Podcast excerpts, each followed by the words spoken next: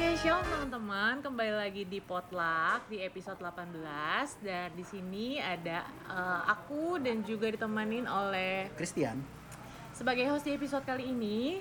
Lanjut dari episode kemarin kita mau ngebahas tentang toxic relationship. Betul banget nih. Kira-kira tapi kemarin kan kita udah bahas tentang pertemanan ya, Yan? Kemarin itu kita udah bahas toxic relationship soal pertemanan gitu antara pertemanan dan sempat di eh, Sebelumnya pekerjaan juga. Iya, pekerjaan betul. nah, sekarang betul. kita sama Kak Raditya Eh, Olon. kan belum kita perkenalin nih ceritanya. Oh iya, iya. Oh, harusnya dikenalin dulu ya? Iya. Oh iya lo astaga. surprise dong. Sa- Saya saking excitingnya loh ngobrol sama Kak Radit. Salting ya? Saking excitingnya loh. Ya, jadi kita Sedap. mau ngebahas toxic seputar di relationship yang apa nih, Yan? Ah, sekarang kita akan membahas tentang eh, toxic relationship di eh, hubungan antara pacar. Oh, dalam pacaran dalam gitu pacaran, ya. Kemarin udah betul. pertemanan naik kelas dikit Nah, ke tahap tahap pacaran, pacaran. gitu. Nah, kebetulan kayaknya kita kedatangan eh, teman ngobrol narasumber kakak yang udah cukup expert nih kayaknya ya Betul, untuk betul banget sih. untuk bidang relationship gitu ya, Yan. Iya. Kira-kira siapa sih, Yan? Tadi saya sudah sebut padahal ya. Nggak jadi door prize Iya, nggak jadi door prize ya. Jadi kita kalau lihat postingan-postingan beliau nih selalu eh, membahas soal hubungan. Oke. Soal hubungan. Dan talenta bukan adalah Kak Kak Raditya, Raditya Olwan. Yeay. Welcome. Hey guys, apa kabar? Thank you ya Kak mau menyempatkan di Iya. tengah kesibukannya. Oh iya sedap dengan senang hati. Iya. Gimana Kak? Boleh kali Kak sedikit perkenalan walaupun mungkin udah banyak banget yang kenal ya. Iya sih, betul sekali sih. Ya, hai guys, halo semuanya. Eh, apa kabar? Ya, saya Raditya Luan, biasa dipanggil eh, Bang Radit, biasa dipanggil juga Bro Radit atau Dedi Radit. Dan aku eh, sudah menikah, empat orang anak, dan dipercayakan juga beberapa pelayanan, tapi eh, selalu bertemakan tentang kurang lebih tentang love sih. Ya, jadi itu yang menjadi eh, esensi pelayanan aku dan Kak Joana juga. Hmm. Oke oke. Terus Kak, eh, sebenarnya ini udah sering mungkin dibahas di IG Kak Radit ya. Cuman kita mau ngobrol secara langsung nih Kak tentang seperti yang tadi udah kita sempat jelasin di awal tentang relationship. Nah, eh, kira-kira nih ya Kak, eh, menurut supaya kita bisa mengenal supaya kita bisa masuk dalam healthy relationship, Hmm. kan ada baiknya kita mengenal uh, Ya. toxic relationship itu seperti apa gitu. Gimana sih cek kira-kira cara kita Ya. uh, bisa classify, misalnya ini adalah Ciri-cirinya. toxic, mm-mm, ini adalah healthy secara nyata tuh seperti apa sih kan bisa kita kenali? Ya. Oke, sebenarnya kalau dari eh, eh, ngomongin nggak sehat, yang pasti nggak sehat itu adalah keluar dari definisi eh, love itu sendiri. Yang pertama, karena hubungan itu akan sehat kalau dasarnya adalah eh, kasih yang sesungguhnya, ya. Nah, itu akan jadi nggak sehat, akan jadi toksik ketika eh, hubungan itu dasarnya bukan love ya dan itu udah pasti udah pasti langsung jadi toksik ya nah makanya parameternya sederhana. Parameternya adalah ketika si pelaku yang mengatakan love tadi ya kalau dia mulai eh, di drive oleh keegoisannya di drive oleh keinginan untuk mengendalikan keinginan buat mengontrol keinginan buat mendominasi keinginan buat memanipulasi. Nah itu udah pasti toksik tapi kalau hubungan yang sehat adalah hubungan yang didasari oleh cinta tanpa syarat. Jadi dia memang eh, dia tidak mementingkan diri sendiri, dia mementingkan orang lain. Dia juga sebuah hubungan yang dasarnya adalah kasihnya Yesus, kasihnya Tuhan. Nah di situ kasih yang dewasa, kasih yang membangun, kasih yang eh, tidak selfish, kasih yang murni, kasih yang kudus. Nah kalau itu dijalankan, walaupun ada konflik, tapi tetap nggak bisa dibilang toksik gitu. Jadi parameternya sebenarnya bukan konflik. Berantem itu nggak menandakan konflik. Tapi ketika masing-masing pasangan mulai memikirkan dirinya sendiri, nah itu akan jadi toksik. Oh, tapi gini kok, misalnya terkadang, terkadang kita berantem itu kan mungkin aja karena masih ada ego. Masih ada ego masih ada mikirin diri sendiri nah terus eh, apa namanya hmm, kira-kira apakah itu langsung dibilang toksik dan harus kita udahan setelahnya atau gimana gitu kak Ya, ah, seperti aku bilang ya, berantem itu nggak menandakan toksik.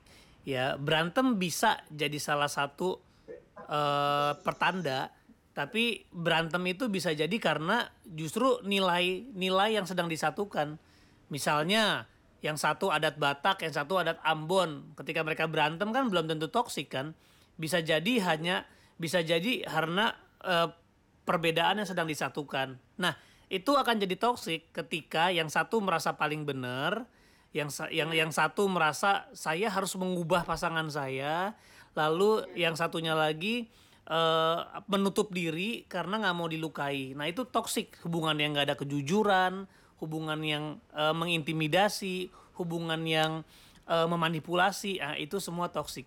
Bisa jadi nggak berantem, tapi karena dua-duanya takut untuk mengungkapkan, itu juga toksik. Gitu. Nah, gini nih Kak, ini kan sebenarnya kan kejadian-kejadian ini kan sebenarnya kan relate banget nih sama kehidupan eh, teman-teman yang khususnya anak muda juga kan gitu.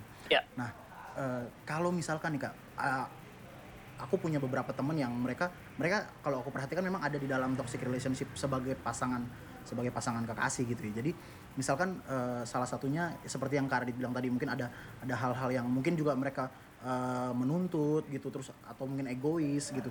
Tapi kalau dari mereka nih Kak, misalkan mereka tuh pengen apa? Mereka tetap mau mempertahankan itu gitu. Apakah apakah toxic relationship harus harus dengan keputusan berakhir atau memang bisa sebenarnya bisa dipertahankan dan kalau memang bisa dipertahankan gimana caranya supaya nggak kembali lagi kira-kira kak? Ya, eh statusnya bisa dipertahankan, tapi sikapnya harus dirubah. Karena kalau kalau mau terus status tapi sikapnya nggak dirubah, mentalitas nggak dirubah, cara berpikir nggak dirubah, eh eh, lingkungan nggak dirubah, udah pasti toksik. Jadi kalau mau diteruskan perlu ada banyak pembicaraan ya, Eh, perlu ada komitmen buat berubah, kesadaran akan masing-masing tuh sadar salahnya apa. Lalu yang terakhir yang nggak kalah penting adalah harus punya eh, either itu komunitas atau orang-orang yang bisa mengawasi mereka. Artinya bukan mengawasi, tapi mendampingi. Karena toxic relationship mustahil bisa sembuh hanya berdua, itu mustahil banget. Even bersama Tuhan pun tetap harus ada orang-orang di sekitar yang menjadi konselor, menjadi partner, menjadi rekan, entah itu kakak, abang rohani dan sebagainya. Jadi harus punya ekosistem yang sehat juga. Iya iya iya benar-benar benar sih berarti berarti memang eh, mau nggak mau memang harus tetap tertanam di suatu komunitas. Iya, itu juga penting. Ya. Soalnya biasanya biasanya hubungan yang toksik itu hubungan yang nggak mau dimentor karena dia karena karena mereka tahu hubungan mereka salah, tetapi mereka berusaha menjauhi environment yang akan menemukan kesalahan mereka. Makanya mereka akan menjauh. Makanya biasanya kalau orang udah di pelayanan tiba-tiba pacaran terus menjauh, itu udah pasti udah mulai dosa seks, udah mu- mu- u- u- u- udah mulai itu, udah mulai toksik pasti. Karena dia tahu kalau pacarannya sehat, walaupun mereka jatuh bangun, ya, tapi mereka pasti stay karena dia tahu gua punya kelemahan, tapi gua nggak mau tinggal dalam kelemahan. Nah itu bukan berarti toksik. Itu punya potensi toksik, tapi karena dia punya mentalitas saya mau di komunitas, bisa jadi malah diubahin. Tapi ini menarik nih kak, maksudnya tadi Kak Radit kan bilang juga kalau kalau em, mereka mungkin mereka dalam satu pelayanan gitu, ketika mereka udah jatuh dalam dosa, da- dosa yang memang di, ada di dalam hubungan mereka yaitu toxic relationship tadi. Maksudnya kenapa kenapa apa kenapa akhirnya mereka eh, memilih untuk, maksudnya mereka tetap mau mau mau berhub, mau tetap ada hubungan tapi ah sorry maksudnya mau tidak sorry tidak mau di tidak mau di mentor maksudnya gitu. Maksudnya kenapa? Padahal kan mereka harusnya harusnya kan mau dong karena kan memang eh, awalnya mungkin kan mengutamakan memang mengutamakan kepen, apa bukan kepentingan sih mengutamakan ya dua orang ini gitu loh.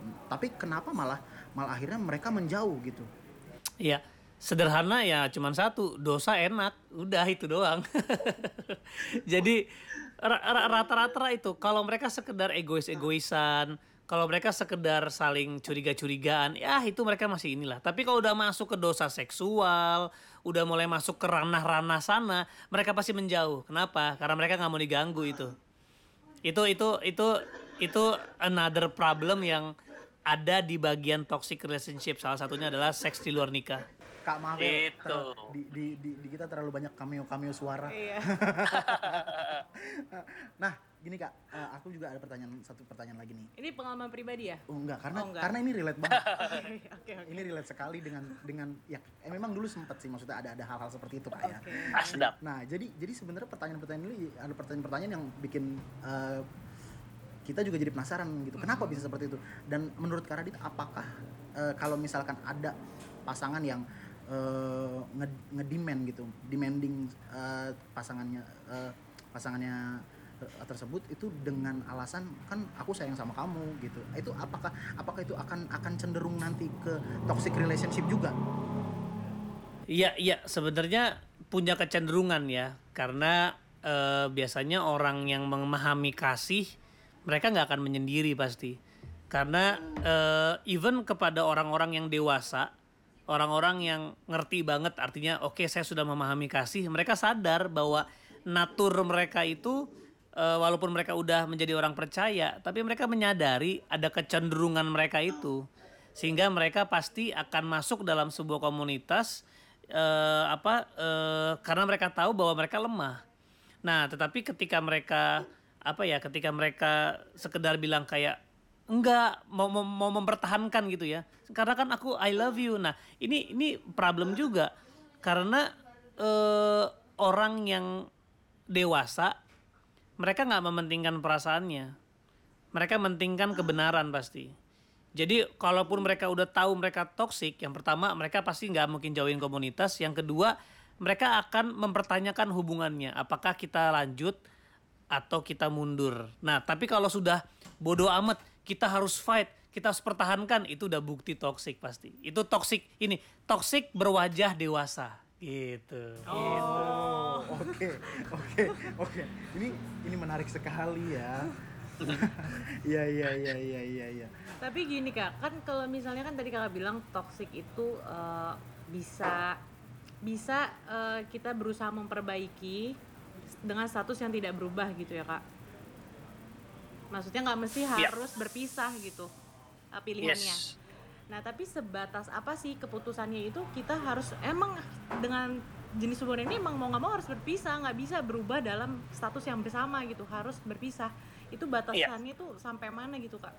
eh ini agak sulit karena karena yang namanya hubungan itu kompleks. Jadi kita nggak pernah bisa menentukan nggak pernah bisa menentukan eh, sebuah keharusan. Tapi oke lah kalau kita sebagai mentor parameter di mana kita bisa bilang enggak ini udah harus selesai. Ketika mereka berusaha membangun, mereka berusaha, mereka jatuh lagi, mereka berusaha jatuh lagi, akhirnya terus jatuh. Nah, ketika itu terjadi, mereka harus bisa memutuskan buat enggak deh kalau gitu memang kita harus kasih jarak dulu nih karena udah nggak bisa, udah terlalu eh, apa, udah terlalu toksik, kita udah sampai sampai ngelupain keluarga, sampai prioritas prioritas berantakan dan nggak bisa lagi gitu dan itu harus punya kerendahan hati, kesadaran bahwa oke kita belum sanggup, udah kita nggak usah main-main. Eh, Alkitab juga bilang sometimes kita harus lari ada dosa yang bisa dilawan, ada dosa yang memang kita harus lari gitu. Oke oke. Tapi kalau misalnya misalnya gini kak contohnya udah sampai main tangan gitu. Dalam sebuah hubungan. Yes, sebenarnya sama, sama juga. Em, main tangan juga bisa di tergantung komitmen mereka ya, karena kita bisa bisa juga tadinya hubungan mereka baik, tapi gara-gara si, si cowok baru kehilangan orang tuanya, lalu tiba-tiba mengalami satu kestresan dalam keluarga, lalu mengalami kehilangan pekerjaan, terus panik tiba main tangan, aku rasa kalau kita langsung putus, nanti kalau di pernikahan juga main tangan masa kita langsung cerai? Kan nggak juga. Gitu. Jadi aku rasa aku rasa tetap parameternya adalah si harus pergi ke orang ketiga. Dan kalau memang main tangan itu udah jadi kebiasaan dan nggak bisa berhenti ya memang aku pikir hubungan itu nggak layak dipertahankan sih gitu cuman kalau memang eh, dia punya kecenderungan kebiasaan dan eh, ada komitmen mau dirubah aku rasa worth it untuk diperjuangkan selama ya ada orang ketiga yang menjadi parameter Jadi nggak bisa mereka berdua doang. Harus ada pencapaian-pencapaian. Kalau memang ada perubahan, aku rasa bisa. Tetapi kalau tidak ada, jangan habiskan waktu untuk apa ya, un- untuk untuk untuk ada di hubungan itu.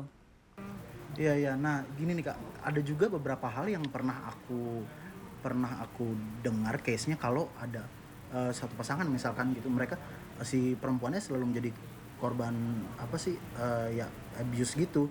Gitu maksudnya. Tapi dia tapi dia tetap tetap mau tetap mau mempertahankan gitu. Tetap senang eh, bahkan eh, cenderung bodoh amat gitu digituin sama pasangannya. Nah kira-kira menurut menurut Karadit sendiri hal seperti itu kenapa bisa terjadi kak? Maksudnya khususnya di di orang justru yang belum menikah bahkan gitu. Eh, jadi ada beberapa kemungkinan. Yang pertama mungkin karena seks. Jadi si perempuan ini mungkin eh, pertama kali sama si cowok sehingga eh, dia ngerasa, aduh saya kalau nggak sama dia saya nggak sanggup gitu. Jadi toksik di pikirannya dia, pikiran yang salah tentang masa depannya membuat dia menjadikan pasangannya ini sebuah rumah yang aman untuk dia eh, ber- ber- beristirahat atau bersembunyi. Nah, aku rasa salah satunya itu. Yang kedua karena memang itu dia ada ada trauma di hidupnya yang membuat paradigmanya eh, menanamkan bahwa cowok ini adalah penyelamatnya dia. Jadi makanya ketika udah kena begitu, cowoknya mau kasar gimana pun juga dia nggak bisa lepas karena si cewek juga bucin, ya dia budak jadi jadi budak. Artinya eh, dia perlu seseorang untuk gituin dia. Mungkin bisa jadi ada sebuah kerusakan dalam mentalitasnya dia. Kalau dia dipukulin itu mengingatkan dia kepada papanya yang dulu pernah mukulin dia juga. Nah, jadi itu ada beberapa hal sih yang memungkinkan. Tapi yang pasti kalau udah toksik nggak bisa lepas itu udah pasti sangat dalam ya. Dan dalamnya itu bukan hanya di hubungannya dia, tapi ada luka di masa lalu yang begitu mendalam. Tapi menurut menurut Karadit sendiri kak, berapa persen maksudnya orang yang eh, memang terluka karena lingkungannya di rumah, di rumah yang memang eh, se- eh, rumah memang rumah yang memang harusnya tinggal orang tua, gitu adik kakak gitu maksudnya berapa persen kak kira-kira yang mungkin konsultasi juga ke Kak Radit gitu tentang hal-hal seperti itu. eh kalau dibilang berapa persen mungkin lebih dari 50 ya. Semua orang-orang yang punya isu toxic relationship isunya pasti di rumah. Ya, mungkin bisa dibilang lebih daripada 75% ya. Isunya karena ke apa eh, disfungsi di rumah ya. Bisa jadi orang tuanya ada tapi nggak pernah hadir. Bisa jadi orang tuanya ada tapi nggak pernah mendidik. Ya, atau sekalian orang tuanya memang toxic gitu. Berarti memang sebenarnya toxic relationship ini memang dari banyak aspek ya kayak bisa bermunculan ya akhirnya menjadikan karakter orang Nah, se- sebenarnya ya pada intinya kita semua lahir toksik itu aja. Jadi itu dasar. Jadi memang dari lahir kita tuh udah toksik. Nah, maksudnya kena- kenapa Kak? Kenapa bisa dibilang kita kita dari lahir kita udah toksik? Apa maksudnya hal apa parameter Karena apa yang maksudnya sampai Iya, akhir karena Karadit bisa Alkitab- mendeskripsikan itu? sebenarnya itu udah truth sih. Jadi eh, walaupun walaupun dia tidak memberontak, walaupun dia nggak pakai narkoba, tapi Alkitab bilang di Roma 3:23 semua manusia telah berdosa. Jadi kalau semua manusia telah lahir dalam dosa, ya berarti lahir dalam toksik, ya. Dosa itu kan mengalami kerusakan hubungan, kerusakan eh, jiwa, ya, kerusakan tubuh, ya. Jadi itu menyerang semua. Makanya ketika manusia pertama Adam dan Hawa jatuh dalam dosa, langsung toksik tuh. Langsung, eh ini bukan salah aku, salah dia. Langsung toksik. Terus mereka langsung nutupin nutupin telanjangnya pakai daun. Ini kan bicara tentang kepalsuan. Mereka nggak mau telanjang. Hubungan yang sehat tuh hubungan yang telanjang, bukan telanjang seks, tapi telanjang ini saya apa adanya dan saya mau berubah. Itu hubungan yang sehat sebenarnya. Jadi nggak ada fear, nggak ada rasa takut, tapi yang ada rasa confident, rasa aman dan eh, kedewasaan. Betul sekali, betul betul betul ya. Kak. Wow, wow, wow, wow, wow. Oke, kalau itu kan berarti tadi kita mengenal eh, tok gimana kita ada dalam kondisi suatu hubungan yang toksik gitu ya kak. Dan gimana caranya kita menyikapi Yes. ataupun keluar dari toksik itu. Nah, gimana tapi kalau ternyata kita sendiri yang jadi toksik tanpa kita tahu gitu loh kak. Kalau Nah. ternyata kita tuh jadi toksik loh Nah, buat betul tuh, hubungan betul. ini Yes. gitu. cara mengidentifikasinya ya. Iya, cara kita tahu gitu. Sebenarnya kata-kata yang paling mudah keluar adalah apakah kita menggunakan komunikasi agresif atau pasif agresif. Cuman dua itu. Karena kalau kalau kalau komunikasi agresif tuh gini, ah dasar kamu memang bego gitu. Itu agresif, menyerang, menuduh, mengintimidasi, membuli gitu. Nah itu. Tapi kalau pasif agresif itu nyinyir. Oh gitu ya. Memang orang tua kamu lebih penting dari aku ya. Nah udah. Itu. Jadi Netizen banyak yang pasif agresif ya. Oh parah. Jadi sebenarnya eh apa itu namanya toxic ya. Jadi toxic itu sangat kelihatan di cara ngomong. Itu paling kelihatan karena Alkitab bilang apa yang keluar dari mulut itu timbul dari hati. Jadi sederhana cara, dia menyingkapi masalah. Paling gampang gini, dengerin kalau orang lagi gosip, gimana respon kita? Kalau respon kita, ah yang bener, ah memang tuh, oh memang dia gitu. Nah itu itu kecenderungan mungkin mulut mulut kita nggak toksik tapi telinga kita toksik. nah iya, nah tapi kalau hati yang lurus pasti dia cuman oh gitu. Jangan gitu, siapa tahu lu belum lihat aja semua hidupnya dia. Nah itu yang enggak. Jadi eh, apa yang negatif keluar di mulutnya itu bisa jadi positif bahkan solutif gitu. Nah, nah ini kak, tadi kan Karit sempat ngomongkan soal yang eh, agresif itu kan kayak ada membuli gitu. Nah kalau misalkan kak mengungkit masalah-masalah yang sudah pernah terjadi gitu, itu kira-kira kira-kira ke mana tuh kak maksudnya? Karena kan biasanya cenderung orang kalau diungkit kesalahannya kan akan membuat orang-orang yang diungkit jadi, waduh iya gue ngerasa bersalah nih ya. Gitu. Itu tuh Dan Iya. sering ya. dan Iya. dan eh enggak ya Iya, maksudnya di, ke- mungkin. di kehidupan kehidupan suka ada aja tuh kak nyelonong gitu gituan Iya, iya, iya. Sebenarnya eh bisa jadi itu toksik, bisa jadi enggak. Kalau memang dia selalu mengungkit, gampang mengungkit, itu namanya toksik. Tetapi kalau memang kalau memang harus dibahas, misalnya kayak orang ini selalu mengulang-ulang kesalahannya. Nah, satu waktu akhirnya kita perlu juga ngomong kayak, eh kamu inget nggak dua tahun lalu kan kamu pernah ngomong, ya aku bukan mengungkit tapi eh, ada hal yang eh, kamu udah nggak lakuin lagi. Nah ini ini ini beda. Tapi kalau memang ah kamu kan, ah inget gak kamu dulu. Nah kalau itu sering-sering, kemungkinan besar itu ngung, eh, toxic. Sebenarnya mengungkit masa lalu itu bagian dari toxic. Tapi buat Kak Radit, dalam dalam teknik konseling atau dalam teknik berkomunikasi ketika kita lagi konflik, sometimes perlu untuk mengungkit, tapi bukan untuk menuduh, bukan untuk meruntuhkan, bukan untuk eh, mengintimidasi, tapi untuk membangun. Misalnya gini, hei kamu inget nggak dulu, kamu pernah bilang bahwa kamu pengen berubah. Ya, aku yakin kamu tuh punya komitmen, aku yakin kamu pasti bisa kok. Nah, itu beda kan. Jadi sama-sama ngungkit, tapi hatinya beda. Yang satu niatnya membangun, yang satu niatnya meruntuhkan. Gitu. Oh, jadi memang Gitu. memang bisa bisa dilihat dari cara-cara mereka ber, Kata-kata. berkata-kata ya kayak berarti sebenarnya ya. Yes. Oke. Tapi kan terkadang gini ya kak, eh, orang-orang, maksudnya menurut kayaknya sih lebih cepat menilai orang lain nih. Kayaknya ini toksik gara-gara lo deh gitu. Tapi gimana sih caranya supaya anak muda nih eh, di encourage untuk, ayo lo lihat lagi dong diri lo sendiri terlebih dahulu gitu, baru lihat orang lain itu. Oh iya, karena cenderung seperti itu kebanyakan. ya. Mm-mm, ini gara-gara pasangan gue sih dulu begini-begini, keluarganya begini-begitu gitu. Ya, sebenarnya eh, ini juga salah satu kekuatan lawannya si toxic ya. Jadi kalau yang toxic lawannya tuh yang namanya aku bisa sebut powerful ya. Bedanya toxic sama powerful, bahkan yang powerful kalaupun pasangannya toxic, dia nggak akan jadi toxic. Gitu. Jadi jadi kalau pasangannya toxic simple, dia tegur, dia bangun, tapi kalau pasangannya tetap toxic, dia bilang oke deh, it's over ya. Aku nggak bisa hubungan kayak begini. Bukan malah ikutan toxic lalu menyalahkan ya abisnya kamu sih toxic. Lah, kalau lu kalau lu kalau lu dewasa mah lu nggak mungkin ikutan toxic gitu loh. Tapi kebanyakan memang kebe- tapi kebanyakan justru malah akhirnya eh ya itu Kak karena ah udahlah gue mah terima dia apa adanya gitu.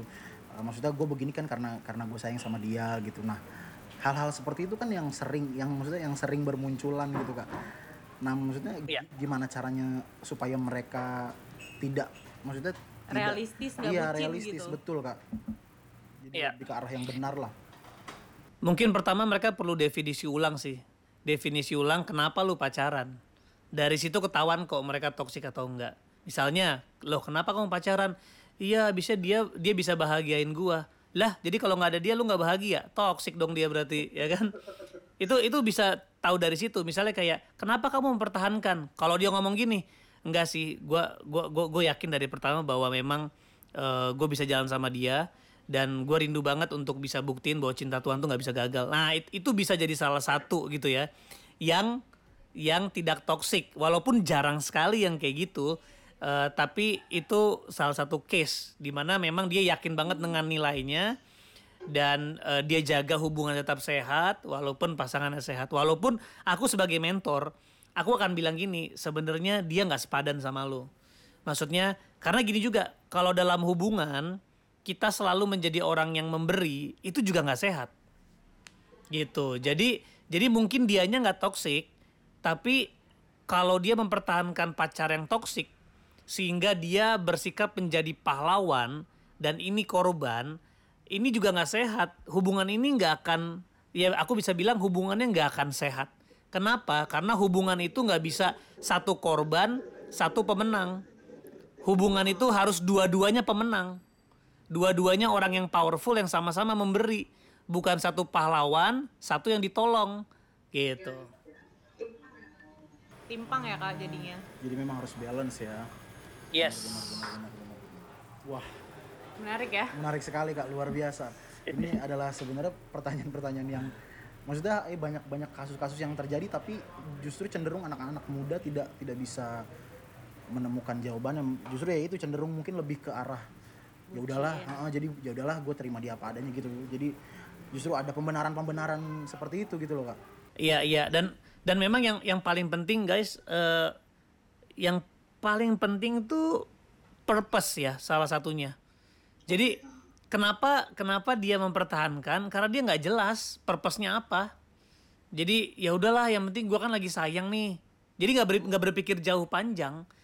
Nanti kalau kalau dia begitu lihat aja nanti pas nikah pasti akan akan komplain di satu titik mereka akan aduh gue capek karena kita punya jiwa itu ada batasannya loh kalau kalau kita nggak mempertahap kalau kita nggak memperhatikan kita rela untuk nikah sama orang yang kita tahu toxic abusive kita kita bukan Yesus nggak akan kuat gitu. Ke- kecuali ya kecuali memang a- karena anugerah ya. Artinya cerita Karadit Maka Jona itu salah satu anugerah sih yang yang memang nggak bisa dijadikan sebuah model ya. Kenapa? Karena Karadit memilih Kak Joana bukan karena cintanya Kristus tapi sederhana karena ya mungkin eh, bucin ya enggak gue cinta sama dia gitu loh. Joanna juga begitu. Makanya kita jatuh ke hubungan seks dan akhirnya Kak Joanna hamil. Nah tetapi ketika kita menikah di situ kita memutuskan saya ingin hidup sama Tuhan. Nah itu beda. Gitu. Kecuali begitu kalau kalau Karadit kan emang gak dalam Tuhan. Nah tapi buat teman-teman yang udah dalam Tuhan jangan salah pilih. Gitu. Karena nanti Tuhan gak akan ubahin pasanganmu. Jelas karena dalam pernikahan Tuhan akan selalu berurusan dengan kamu. Kalau kamu berubah ya pasanganmu baru bisa berubah. Nah berarti buat orang-orang yang bilang saya nanti akan bisa merubah dia tuh gimana tuh kak? itu salah itu toxic itu. Itu namanya Jesus toxic gitu. Itu Jesus toxic eh, salah tipe. Iya Jesus toxic type. Iya. Luar biasa, luar biasa sekali kak. Gimana gimana? Waduh ini pasti teman-teman Potlucker sih terberkati sekali nih karena ini ini pertanyaan yang sangat-sangat Relate relate. ya? Wah relate sekali dengan kehidupan kehidupan anak-anak muda dan sangat-sangat eh, solu- solutif sekali sih. Luar biasa, luar biasa. Tapi kayaknya kan aku menariknya gini tadi eh, pada akhirnya dari relasi pacaran bisa terkena toksik sebagian besar itu hampir bermula dari eh, ketika mengalami eh, toksik di tengah keluarganya gitu ya kak.